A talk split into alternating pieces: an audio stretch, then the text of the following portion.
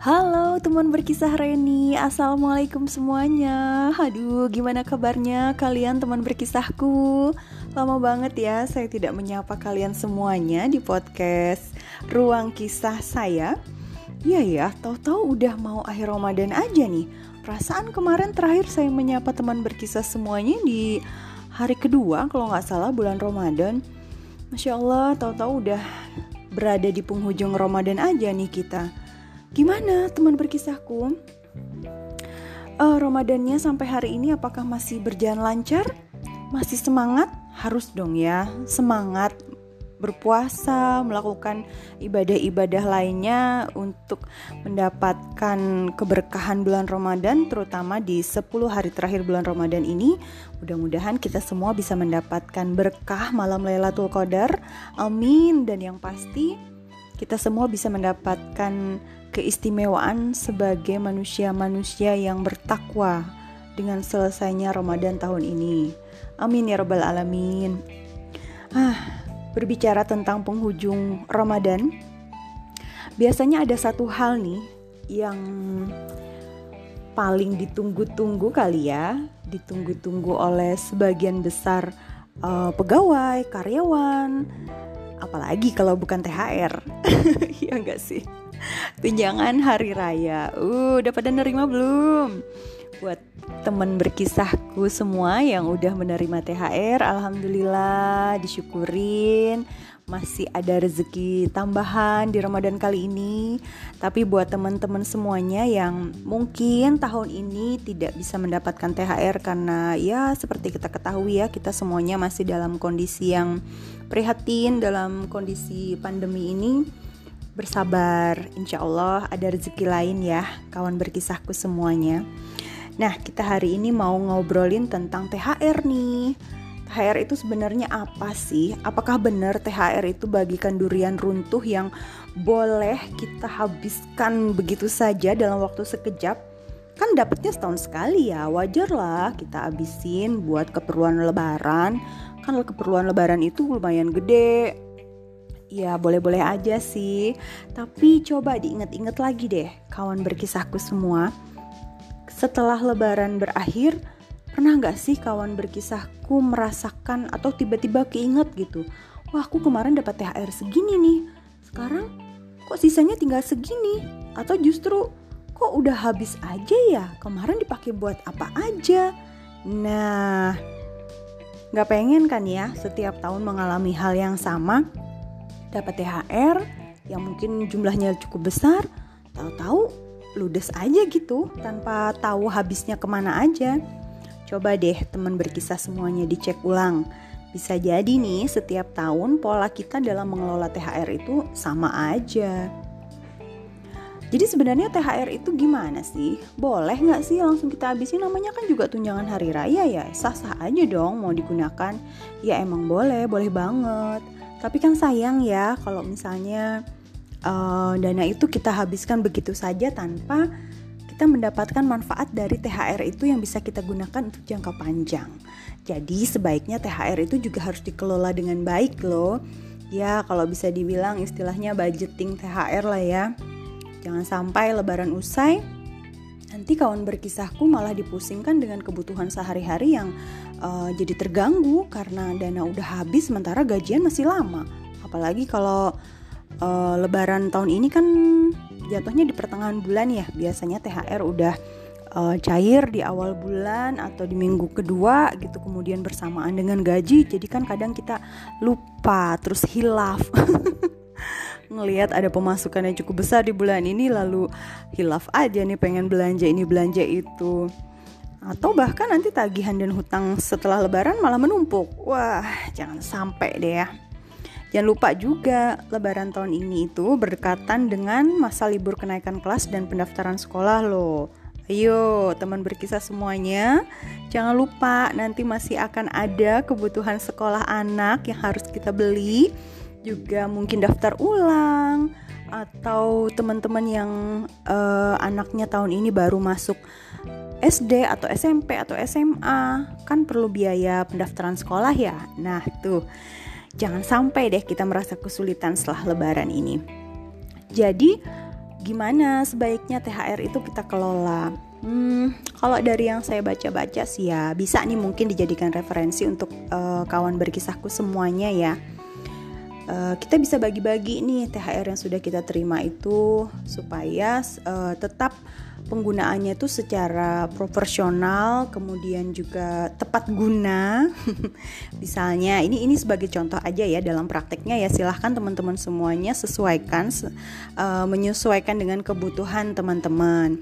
Yang pasti intinya pembahasan kali ini uh, pengen mengajak kawan berkisah semuanya untuk mengelola THR dengan bijak menggunakan THR dengan bijak. Jadi THR itu tidak habis begitu saja tanpa ada meninggalkan manfaat buat kita uh, ke depannya setelah lebaran berakhir. Nah, sebagai contoh, teman-teman bisa mem membagi THR uh, menjadi beberapa porsi. Misalnya 25% untuk kebutuhan lebaran.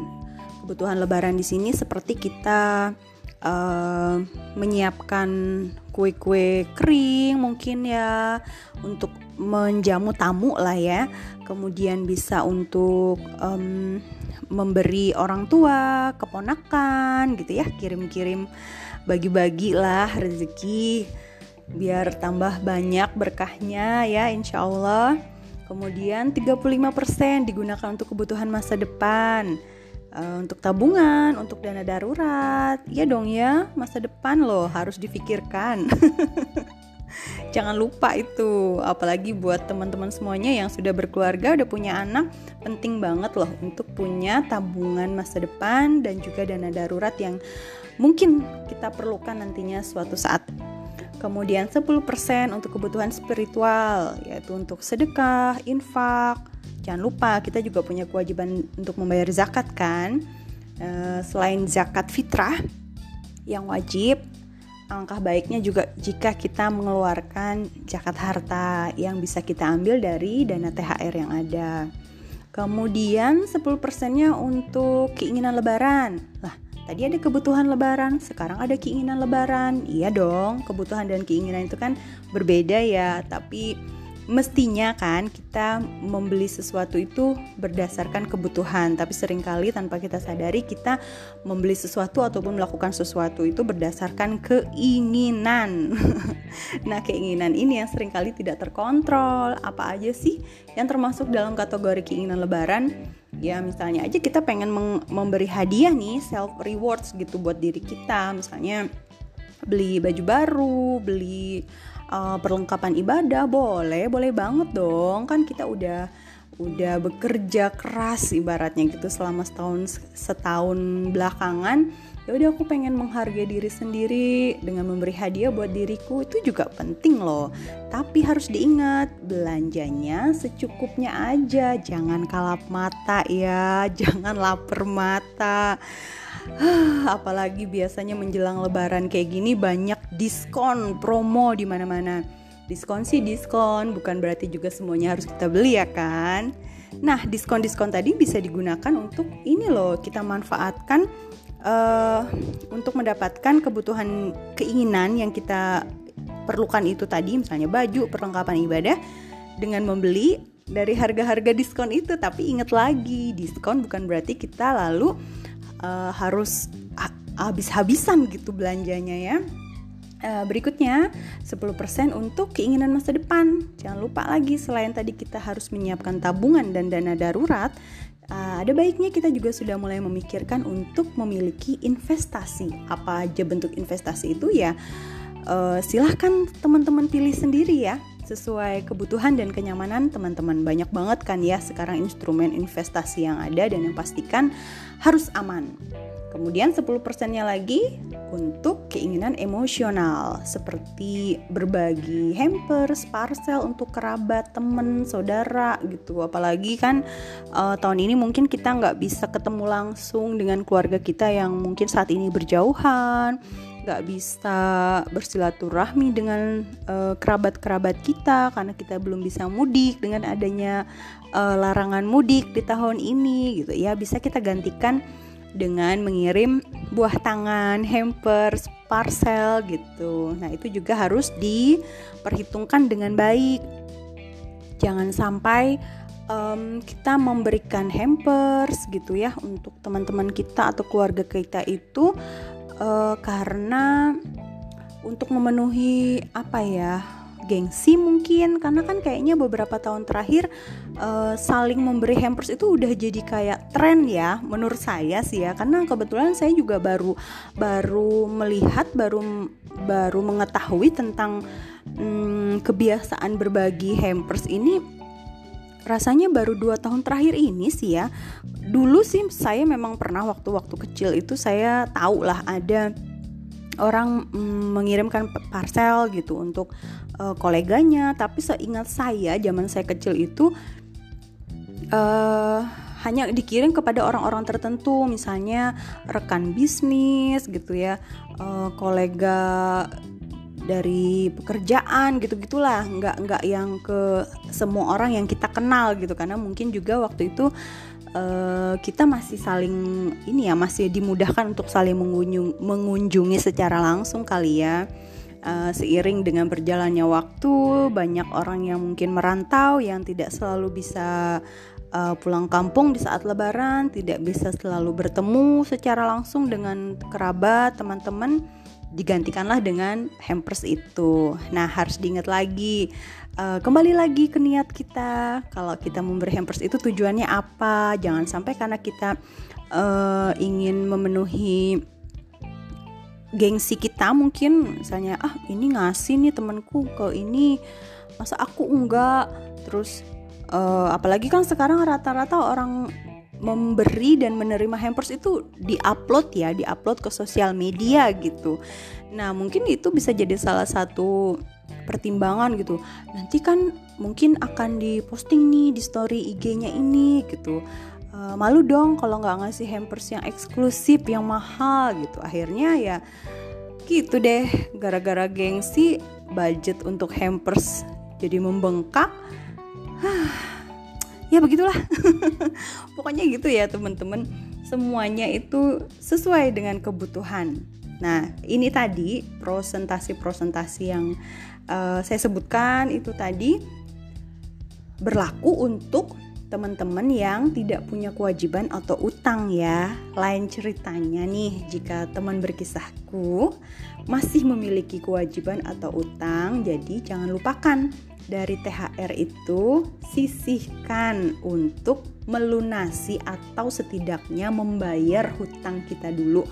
Jangan sampai kita jor-joran, habis-habisan merayakan lebaran, menyiapkan sajian lebaran, memberikan angpau yang banyak gitu ya, mengirimkan hampers yang mahal-mahal, yang eksklusif lah, yang apalah. Eh, tapi kita masih punya hutang yang tidak kita tunaikan padahal kita punya kemampuan gitu untuk melunasinya. Duh, jangan sampai jangan lupa utang itu akan dibawa sampai mati. Dan itu jadi kewajiban yang harus dengan segala upaya kita selesaikan bagaimanapun caranya. Nah, kawan berkisah, uh, ini kan masih dalam masih dalam suasana pandemi ya. Biasanya mungkin THR uh, sebagian besar digunakan untuk belanja keperluan lebaran, keinginan lebaran teman-teman semuanya, beli baju, beli ini, beli itu. Mungkin juga bisa dipertimbangkan. Toh kan ada larangan ya, kita nggak bisa mudik, kemudian juga dibatasin, tidak boleh ada open house. Kalaupun ada berkunjung juga dibatasin uh, tidak lebih dari keluarga inti kalau nggak salah ditambah lima orang kalau nggak kalau nggak salah kayak gitu ya Nah, kan mungkin bisa jadi bahan pertimbangan kita juga nih. Apakah tahun ini kira-kira membeli pakaian baru itu menjadi sesuatu hal yang urgent? Kalau misalnya dirasa iya, monggo, tapi kembali lagi uh, belanja dengan bijak sesuai dengan kebutuhan, tidak lapar mata dan kalau bisa manfaatkan momen-momen promo hari raya. Nah, jika menurut kawan berkisahku semuanya, oh ternyata membeli baju baru uh, bukan menjadi hal yang urgent nih tahun ini. Nah, bisa tuh dana yang sebenarnya dialokasikan untuk membeli pakaian baru, baju baru gitu ya, perlengkapan ibadah baru. Ini kita alihkan untuk menjadi ladang pahala kita loh. Kok bisa? Iya, kita manfaatkan aja budget yang ada itu untuk tadi ya, sedekah, infak, um, kewajiban untuk membayar zakat, kemudian bisa kita gunakan untuk membayar fidyah. Mungkin ada teman-teman yang belum menyelesaikan uh, kewajiban fidyahnya kemarin. Juga bisa kita gunakan untuk memberikan bantuan untuk orang-orang di sekitar kita yang terdampak COVID, ya kan ya, nggak dipungkiri kan ya, uh, dampak COVID itu masih terasa banget sampai sekarang gitu, masih banyak loh orang-orang di luar sana di sekitar kita yang merasakan banget kesulitan akibat adanya COVID ini secara ekonomi, kesulitan secara ekonomi, dan jangan lupa tadi untuk menambah dana darurat kita. Jadi ya kurang lebih seperti itu sih kawan berkisahku. Kita hari ini bercerita tentang THR, ya tujuannya untuk saling mengingatkan. Pergunakan THR yang teman-teman dapatkan secara bijaksana. Kemudian lebih baik lagi jika dengan THR itu malah bisa menambah um, pahala kita gitu ya, manfaat baik untuk diri kita sendiri juga untuk orang lain akan lebih baik lagi kayak gitu ya selamat mengelola THR dengan bijak ya kawan berkisahku semuanya. Selamat um, mempersiapkan menyambut Hari Raya Idul Fitri. Ya walaupun mungkin tahun ini masih berbeda suasananya. Belum bisa bersilaturahmi dengan keluarga besar bagi teman-teman semua yang mungkin sedang merantau seperti saya. Jangan sedih sedih boleh sih saya juga sedih sih. Maksudnya ya jangan berlama-lama jangan berlarut-larut.